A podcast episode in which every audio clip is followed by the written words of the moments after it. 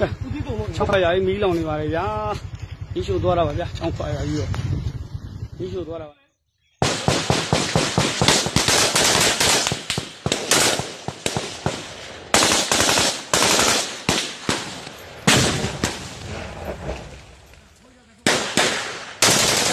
2021ခုနှစ်ဖေဖော်ဝါရီလ1ရက် စစ်အာဏာသိမ်းမှုနောက်ပိုင်းမြန်မာနိုင်ငံအနှံ့မှာစစ်အာဏာရှင်စနစ်ကိုဆန့်ကျင်တဲ့လူထုလှုပ်ရှားမှုတွေညီမျိုးစုံနဲ့ပေါ်ပေါက်ခဲ့ပါတယ်။အခုအချိန်ထိလည်းပုံသဏ္ဍာန်မျိုးစုံအသွင်မျိုးစုံနဲ့ဆက်ရှိနေဆဲဖြစ်ပါတယ်။တစ်ချိန်တည်းမှာပဲတိုင်းရင်းသားလက်နက်ကိုင်အဖွဲ့တွေအခြေစိုက်နေကြတဲ့တိုင်းရင်းသားဒေသတွေမှာလည်းတိုင်းရင်းသားလက်နက်ကိုင်တွေနဲ့အာဏာသိမ်းစစ်ကောင်စီအကြားတိုက်ပွဲတွေဆက်လက်ဖြစ်ပွားနေပြီးတိုင်းရင်းသားလက်နက်ကိုင်အဖွဲ့တချို့ကြားမှာလည်းအချင်းချင်းတိုက်ပွဲတွေဖြစ်နေပါတယ်။ တစ်ဆက်တည်းမှာပဲဒေသတချို့မှာပြည်သူ့ကာကွယ်ရေးတပ်ဖွဲ့တွေနဲ့စစ်ကောင်စီတို့အကြားအပြန်အလှန်ပစ်ခတ်တိုက်ခိုက်မှုတွေလည်းရှိလာပါတယ်။ တခါအမျိုးသားညီညွတ်ရေးအစိုးရ NUG က2021ခုနှစ်စက်တင်ဘာလ9ရက်မှာပဲတတိုင်းပြည်လုံးကိုအရေးပေါ်အခြေအနေကြေညာပြီးအုံကြွခုခံစစ်စတင်ကြဖို့တိုက်တွန်းခဲ့တဲ့အတွက်နိုင်ငံအနှံ့ပြစ်ခတ်တိုက်ခိုက်မှုတွေပိုများလာပြီးဒေသဆိုင်ရာပြည်သူ့ကာကွယ်ရေးတပ်ဖွဲ့တွေရဲ့လှုပ်ရှားမှုတွေလည်းအရင်ကထက်ပိုမိုပေါ်ထွက်လာပါတယ်။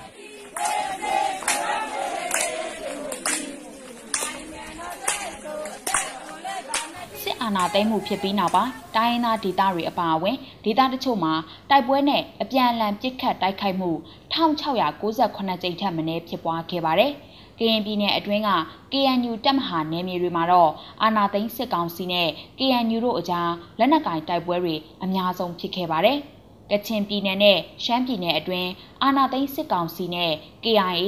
MNDAA တို့အကြားတိုက်ပွဲတွေလည်းဆက်လက်ဖြစ်ပွားခဲ့ပါတယ်။ တဖန်2020ပြည့်နှစ်နိုဝင်ဘာလအစောပိုင်းကစလို့တိုက်ပွဲဖြစ်ပွားမှုရန်နာနေတဲ့ရခိုင်ပြည်နယ်မှာလည်းအခုလအစောပိုင်းကမောင်တော်မြို့နယ်အတွင်းစစ်ကောင်စီနဲ့ AA တို့အကြားတိုက်ပွဲဖြစ်ပွားမှုရှိခဲ့ပါတယ်။ဒါအပြင်ရှမ်းပြည်နယ်အတွင်းရှမ်းတိုင်းသားလက်နက်ကိုင်အဖွဲ့တွေဖြစ်တဲ့ RCSS, SSA နဲ့ SSPP,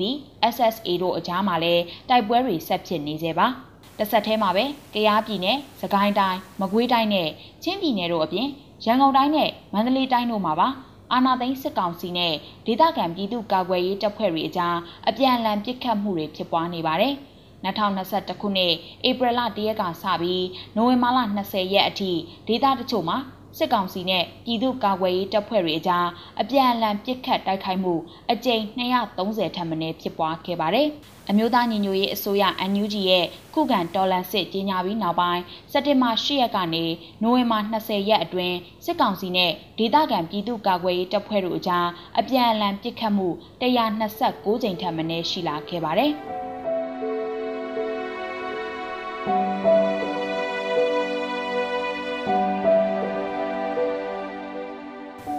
သိမ်းပြီးနောက်ဖြစ်ပွားခဲ့တဲ့တိုက်ပွဲနယ်ပစ်ခတ်မှုတွေကြောင့်တည်ဆုံးခဲ့ရတဲ့အရက်သားပြည်သူအရေးအတွက်ကနိုဝင်ဘာ20ရက်အထိကို1533ဦးထပ်မံရှိခဲ့တာပါအဲ့ဒီအထက်ကမှ1282ဦးကစစ်ကောင်စီရဲ့အကြမ်းဖက်ဖြိုခွင်းမှုနဲ့ဖမ်းဆီးခံရစဉ်ရခဲ့တဲ့ထံရတွေစစ်ကြောရေးမှာညှဉ်းပန်းနှိပ်စက်ခံရပြီးတည်ဆုံးခဲ့ရသူတွေဖြစ်ပါတယ်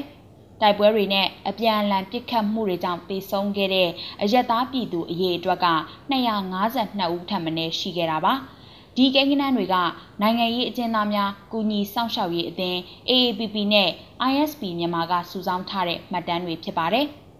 တခြားတစ်ဖက်မှာလည်းအမျိုးသားညီညွတ်ရေးအစိုးရ NUG နဲ့စစ်ကောင်စီတို့ကလည်းတည်ဆုံးမှုကိန်းဂဏန်းတွေထုတ်ပြန်ထားပါတယ်။ NUG ရဲ့စရင်အရ9လကျော်ကြာကာလအတွင်းတိုက်ပွဲနဲ့ပဋိပက္ခဖြစ်စဉ်2530ကြိမ်ရှိခဲ့ပြီးအရက်သားတေဆုံးမှုက908ဦးရှိပါတယ်။စစ်ကောင်စီဘက်ကတေဆုံးသူ2942ဦးရှိတယ်လို့လည်း NUG ကဆိုပါတယ်။စစ်ကောင်စီကထုတ်ပြန်တဲ့ကိန်းနှန်းတွေမှာတော့အော်တိုဘာလ22ရက်အထိတေဆုံးသူ1338ဦးရှိတယ်လို့ပြောပါတယ်။အဲ့ဒီအထဲမှာမှ1190ဦးကိုအမျိုးအစားခွဲတဲ့အခါ ဒလန်လို့ဆွဆွဲခံရပြီးတေဆုံးသူ406ဦးပြည်ခိုင်ဖြိုးပါတီဝင်မိသားစုတွေနဲ့ပါတီထောက်ခံသူ253ဦး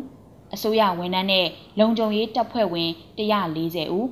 မြို့နယ်အဆင့်နဲ့ရက်ကွက်ကျေးရွာတာဝန်ရှိသူ322ဦးနဲ့ဘုံဖောက်ခွဲမှုတွေကြောင့်တေဆုံးသူ69ဦးရှိတယ်လို့ဆိုပါတယ်။ NUG နဲ့စစ်ကောင်စီကထုတ်ပြန်တဲ့ကိန်းဂဏန်းတွေအတွက်လွတ်လပ်တဲ့အဖွဲ့အစည်းတွေရဲ့တီးခြားအတည်ပြုချက်မရှိပါဘူး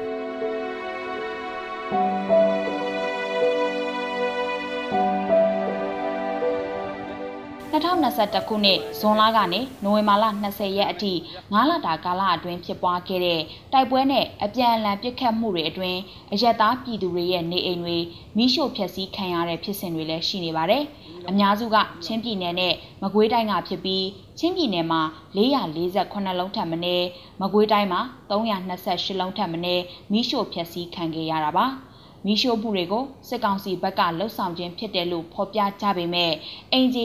240ကျော်အနက်200ခန့်မီးလောင်ကျွမ်းခဲ့တဲ့ကင်းမရွာဖြစ်စဉ်နဲ့အော်တိုဘာလ29ရက်ထန်တလန်ဖြစ်စဉ်တို့ကိုတော့သူတို့လှုပ်တာမဟုတ်ဘူးလို့စစ်ကောင်စီကညှင်းဆန်ထားပါတယ်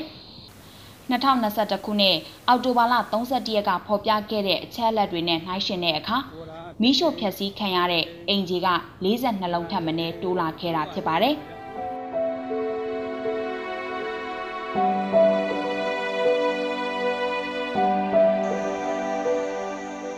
တိုက်ပွဲတွေနဲ့အပြန်အလှန်ပစ်ခတ်မှုတွေကြောင့်နိုဝင်ဘာလအတွင်းစစ်ပြေးဒုက္ခသည်9380ဦးကျော်ထပ်တိုးလာပါတယ်။ နိုဝင်ဘာလအတွင်းစကိုင်းတိုင်းဒီပဲရင်နဲ့ရေဦးမြို့နယ်တွေမှာရှိတဲ့ကြေးရွာပေါင်း20ခန့်ကိုစစ်ကောင်စီဘက်ကဝင်ရောက်စီးနှင်းမှုတွေရှိခဲ့ပြီးအဲ့ဒီရွာတွေကဒေသခံပြည်သူ3500ကျော်ဟာနေရက်စွန့်ခွာထွက်ပြေးတိမ်းရှောင်ခဲ့ရကြောင်းသိရပါတယ်။ ကတာမြို့နယ်အတွင်းမှာလည်းစစ်ကောင်စီနဲ့ဒေသခံပြည်သူကာကွယ်ရေးတပ်ဖွဲ့တို့အကြားတိုက်ပွဲတွေဖြစ်ပွားခဲ့ပြီးနောက်စစ်ကောင်စီကအနီးနားမှာရှိတဲ့မိုးတားလေးရွာအတွင်းကလူနေအိမ်တွေကိုမိရှို့ဖျက်ဆီးမှုတွေပြုလုပ်ခဲ့ပြီးဒေသခံပြည်သူတထောင်ခန့်မနည်းထွက်ပြေးတိမ်းရှောင်ခဲ့ကြရတယ်လို့မြန်မာနောင်သတင်းဌာနကဖော်ပြခဲ့ပါတယ်။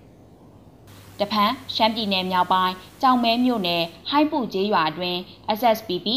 SSA အဖွဲ့ပါဝင်တဲ့တပ်ပေါင်းစုဝင်ရောက်လာပြီးနောက်ဟိုက်ပူကျေးရွာအပါအဝင်အနီးအနားကဒေသခံတထောင်ကျော်ဟာထိတ်လန့်ပြီးထွက်ပြေးတိမ်းရှောင်ခဲ့ရကြောင်းသိရပါဗျ။ဒါအပြင်တနင်္သာရီတိုင်းဒဝယ်မြို့နယ်တေကတိုးနဲ့ဟာမြင်းကြီးကျေးရွာတို့မှာစစ်ကောင်စီတပ်ဖွဲ့ဝင်တွေမိုင်းဆွဲတိုက်ခိုက်ခံရပြီးနောက်ကျေးရွာတွေကလူတချို့ကိုဝင်းရောက်ဖမ်းဆီးမှုတွေရှိခဲ့တဲ့အတွက်အနီးအနားကကျေးရွာ၄ရွာကဒေသခံ900ကျော်ဟာထွက်ပြေးတိမ်းရှောင်ခဲ့ကြရပါတယ်။ တဖန်2019နှစ်ဦးပိုင်းကနေ2020ပြည့်နှစ်နိုဝင်ဘာလအထိဖြစ်ပွားခဲ့တဲ့တက်မတော်နဲ့ AA အဖွဲ့တို့ကြားတိုက်ပွဲတွေကြောင့်စစ်ပြေးရှောင်နေရတဲ့ဒုက္ခသည်တွေအနက်တချို့ကနေရက်ပြန်မှုတွေရှိခဲ့ပါတယ်။အခုလအစောပိုင်းမှာရခိုင်ပြည်နယ်အမ်းမြို့နယ်ကစစ်ပေးရှောင်300ခန့်နဲ့ချင်းပြည်နယ်ပလောဝမြို့နယ်ကစစ်ပေးရှောင်တချို့နေရက်ပြန်လာခဲ့ကြပါတယ်။ နေရပြန်စစ်ပေးရှောင်တွေအတွက်သက်ဆိုင်ရာအဖွဲ့အစည်းတွေကထောက်ပံ့ကူညီမှုတွေရှိပေမဲ့မြေမြုပ်မိုင်းအနေနဲ့ပတ်သက်ပြီးစိုးရိမ်နေရကြောင်းလည်းသိရပါဗျ။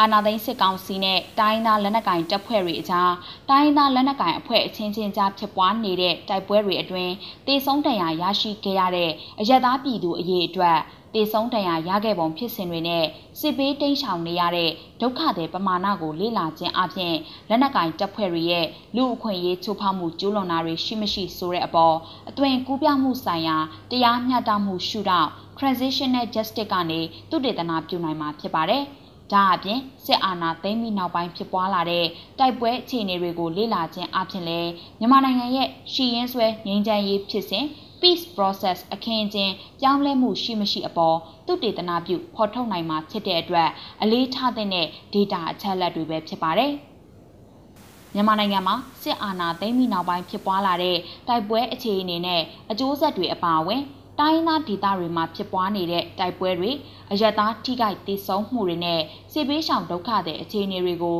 လွတ်လပ်တဲ့သတင်းမီဒီယာတွေအထူးသဖြင့်တိုင်းသားသတင်းဌာနတွေရဲ့မြေပြင်အခြေအနေဖော်ပြချက်တွေအပြင်မြန်မာနိုင်ငံဆိုင်ရာကုလသမဂ္ဂလူသားချင်းစာနာမှုဆိုင်ရာညှိနှိုင်းရေးရုံး UNOCHA မြန်မာလိုကုလသမဂ္ဂဆိုင်ရာအဖွဲ့အစည်းတွေတခြားလွတ်လပ်တဲ့ပြည်တွင်းပြည်ပအဖွဲ့အစည်းတွေရဲ့မှတ်တမ်းအစီရင်ခံစာစတာတွေနဲ့လည်းတွဲဖက်လေ့လာနိုင်ပါတယ်။